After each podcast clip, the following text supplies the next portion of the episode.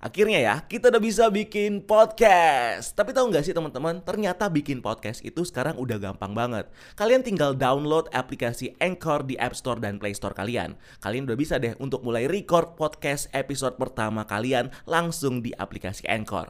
Bahkan kalian juga bisa edit podcast kalian langsung loh. Di aplikasi Anchor, podcast kamu bakal didistribusikan ke podcast streaming platform seperti Spotify, Apple Podcast, dan masih banyak lagi. Dan yang pasti, gratis. So you download aplikasi Anchor di App Store dan Play Store kalian atau kunjungi www.anchor.fm.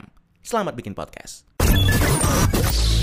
Hey Scrolls, welcome to Breakdown Channel Universe.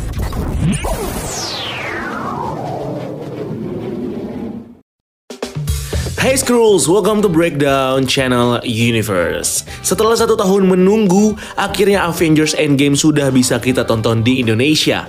Penantian panjang akan film ini akhirnya terbayar dengan berbagai scene epic dan keren di film ini.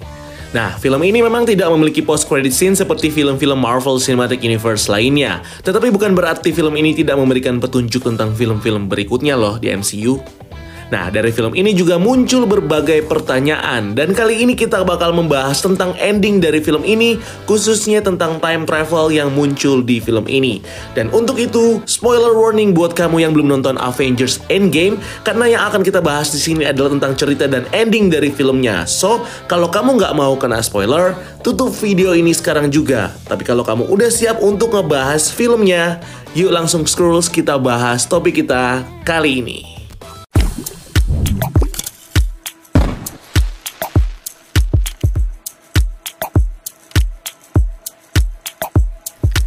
Film ini melanjutkan dari Avengers Infinity War di mana setengah populasi dunia sudah menjadi debu. Mereka berencana melawan Thanos lagi, merebut Infinity Stones dan melakukan step lagi untuk mengembalikan orang-orang yang menjadi debu.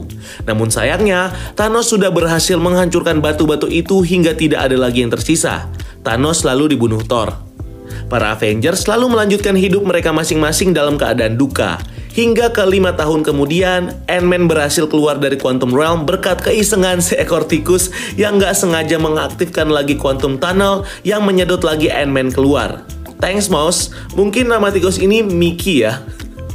Ant-Man lalu menyadari kalau dunia sudah berbeda saat dia keluar. Dia lalu menemui Natasha dan Steve dan mengatakan kalau dia hanya berada 5 jam di dalam Quantum Realm, tetapi sudah berjalan 5 tahun di dunia luar. Scott lalu menawarkan ide gila untuk melakukan time haze atau time travel. Tony Stark yang kini sudah memiliki anak dan hidup normal awalnya menolak, namun akhirnya dia mampu mendiscover cara untuk mengontrol waktunya. Dia menemukan alat yang bisa mengontrol waktu untuk time travel. Dan mereka pun berencana untuk mengumpulkan semua Infinity Stones di masa lalu untuk dibawa ke masa depan dan mengembalikan setengah makhluk yang menjadi debu. Mereka membagi tim untuk 5 misi. Tony, Steve, Scott Lang, dan Bruce pergi ke 2012 di New York, di mana di sana Steve, Tony, dan Scott akan mengambil Space Stones dan Mind Stones, dan Bruce menemui The Ancient One untuk meminta Time Stones. Nebula dan Rudy pergi ke Morek di tahun 2014 untuk mengambil Power Stones, lalu Clint dan Natasha pergi ke Vormir untuk mengambil Soul Stones, di mana Natasha mati mengorbankan dirinya agar mereka bisa mendapatkan Soul Stones. Lalu Rocket dan Thor pergi ke Asgard di tahun 2013 untuk mengambil Reality Stones yang menjangkit di tubuh Jane Foster. Mereka bisa mengumpulkan semua Infinity Stones dan membawa kembali ke masa depan. Namun ternyata Thanos di 2014 mengetahui rencana mereka karena sinyal Nebula. Thanos selalu menukar Nebula di masa depan dengan Nebula di 2014 yang masih setia kepada Thanos untuk menyamar bergabung dengan para Avengers. Para Avengers selalu menggabungkan semua Infinity Stones dan Bruce selalu berhasil menjentikan jarinya dengan gauntlet baru buatan Tony dan ternyata itu berhasil mengembalikan semua orang-orang menjadi debu. Namun sayangnya, Nebula berhasil membuka portal kuantum dan menarik Thanos dari 2014 ke masa depan dan Thanos pun menghancurkan markas Avengers. Para Avengers selalu bertarung melawan Thanos dan pertarungan epik pun terjadi. Semua karakter-karakter menjadi debu bergabung dan ikut berperang melawan pasukan Thanos. Pada akhirnya di satu titik, saat Thanos dan Avengers berebut Gauntlet, Tony berhasil mengambil semua Infinity Stones dan menjentikan jarinya membuat Thanos dan pasukannya menjadi debu. Namun Tony harus mati karena energi dari Infinity Stones merusak tubuhnya, hingga dia tidak kuat lagi dan akhirnya mati. Keadaan pun kembali normal dan semua orang merayakannya. Film ditutup dengan scene di mana Steve punya tugas untuk mengembalikan semua Infinity Stones yang diambil dari berbagai timeline agar tidak terjadi kerusakan di timeline yang diambil Infinity Stones-nya itu. Namun Steve dalam prosesnya malah kembali dalam keadaan tua karena dalam proses time travelnya dia pergi menemui Peggy Carter dan menunaikan janjinya dan film pun berakhir. Itu baru summary filmnya. Lalu muncul pertanyaan pertama, bagaimana sih konsep time travel di film ini?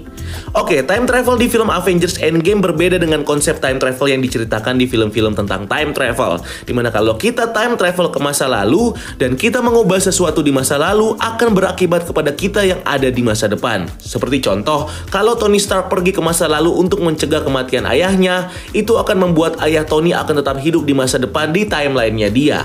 Atau misalnya kalau mereka berhasil membunuh baby Thanos atau Thanos sejak masih bayi, itu artinya Thanos tidak akan menjentikan jarinya di masa depan dan orang-orang di masa depan pun kembali hidup. Ini yang biasa diceritakan di film-film time travel. Kalau kita mengubah masa lalu, otomatis akan mengubah masa depan atau masa sekarang di mana kita berada. Tapi di film ini, Hulk mengatakan kalau apa pun yang kita ubah di masa lalu tidak akan berpengaruh pada masa depan atau masa sekarang. Di mana di masa sekarang, masa lalu kita sudah terjadi. Dan kalau kita pergi ke masa lalu dan mengubah sesuatu, itu tidak akan mengubah apa pun yang sudah kita lewati di masa lalu atau di ingatan kita sendiri.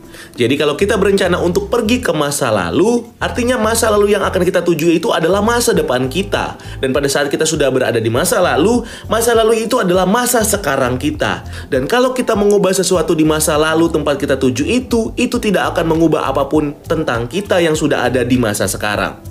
Misalnya contoh, Tony Stark time travel ke masa lalu untuk membunuh Thanos saat masih bayi. Thanos bayi mati dan Tony kembali ke masa sekarang atau ke timeline asal.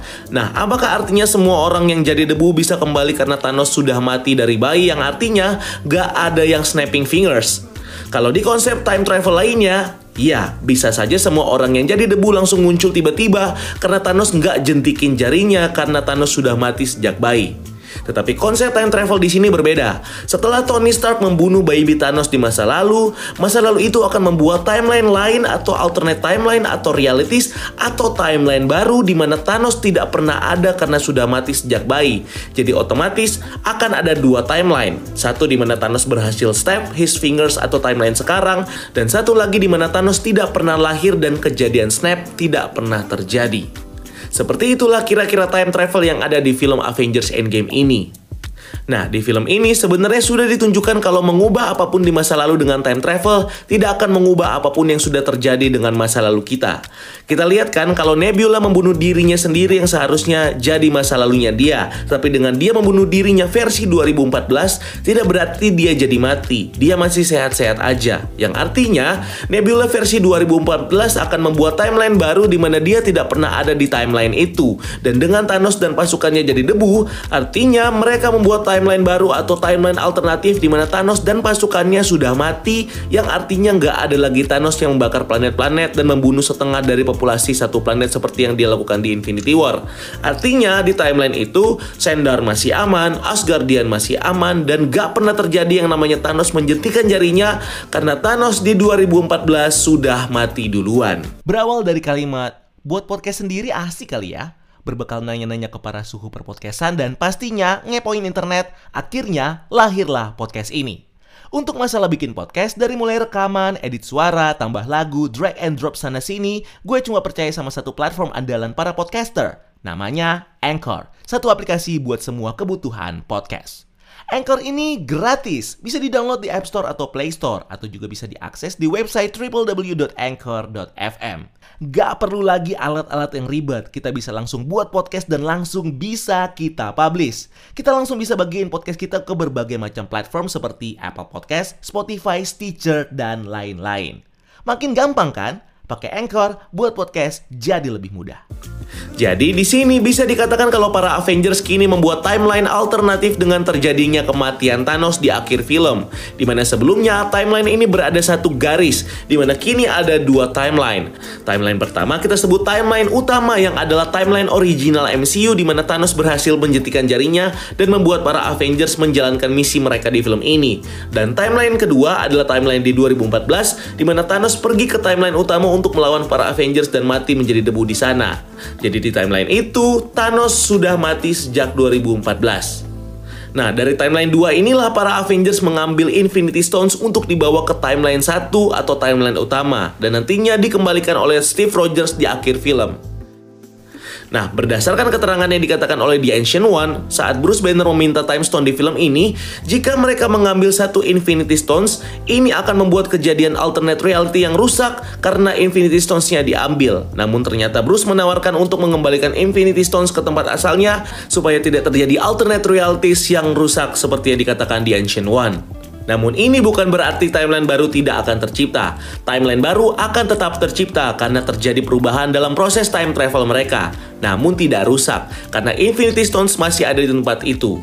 Jadi saat ini ada timeline di mana Loki berhasil kabur menggunakan Tesseract, ada juga timeline di mana Star-Lord pingsan di planet Morak karena dipukul Rudy, di mana di timeline itu juga Thanos sudah mati menjadi debu karena pergi bertempur di timeline utama. Juga di timeline ini kemungkinan Guardian of Galaxy tidak pernah terbentuk. Oke, di scene akhir film ini, Captain America punya tugas untuk mengembalikan semua Infinity Stones ke tempat mereka mengambil batu-batu itu, supaya tidak membentuk alternate reality yang rusak. Bruce mengatakan prosesnya membutuhkan 5 detik di timeline utama, tetapi butuh selama apa pun yang diinginkan Steve Rogers di timeline tujuan. Namun setelah 5 detik, Steve tidak muncul di atas Quantum Tunnel. Bruce mengatakan dia seharusnya ada di sekitar sini, dan Steve malah muncul duduk di samping danau dalam keadaan fisik yang sudah tua. Apa yang terjadi? Steve dalam proses pengembalian Infinity Stones kembali lagi ke berbagai timeline tempat mereka mengambil Infinity Stones mereka. Ini menjadi misi yang sulit untuk Steve dan kayaknya boleh banget nih untuk diceritain dalam satu film sendiri gimana prosesnya dia mengembalikan batu-batu itu.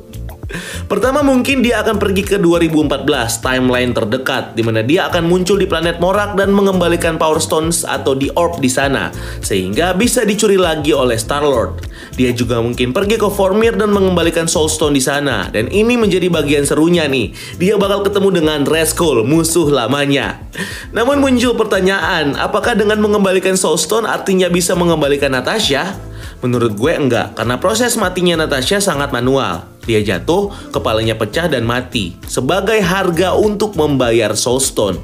Lagi pula kemungkinan Steve pergi ke Vormir dan mengembalikan Soulstone juga kecil karena di sana sudah tidak ada lagi Red Skull. Red Skull tugasnya menjadi guide Soulstone, tapi Soulstone sudah diambil dan dia tidak punya lagi kutukan untuk menjaga Soulstone. Jadi kemungkinan dia sudah terbebas atau sudah tidak ada lagi di Vormir, yang artinya Steve butuh tempat penyimpanan baru untuk Soulstone. Mungkin dia akan ngasih ke Thor di timeline itu atau akan disimpan sama dia di satu tempat. Dia nggak akan keep Soulstone itu karena dia masih harus loncat ke timeline lainnya. Dia harus tetap mengembalikan Soulstone di timeline 2014 itu. Lalu dia pergi ke tahun 2013 di Asgard di mana dia akan mengembalikan Reality Stones di sana. Mungkin dia akan menjangkitkan lagi Reality Stones ke Jane Foster ya, atau mungkin hanya meletakkan di tempat aman di timeline itu. Berikutnya, dia pergi ke tahun 2012 di Battle of New York. Dia mengembalikan scepter Loki kepada pasukan SHIELD, aka pasukan Hydra di badan SHIELD, dan mengembalikan Time Stone kepada The Ancient One. Dan terakhir, dia pergi ke tahun 1970 untuk mengembalikan Tesseract di markas SHIELD di New Jersey.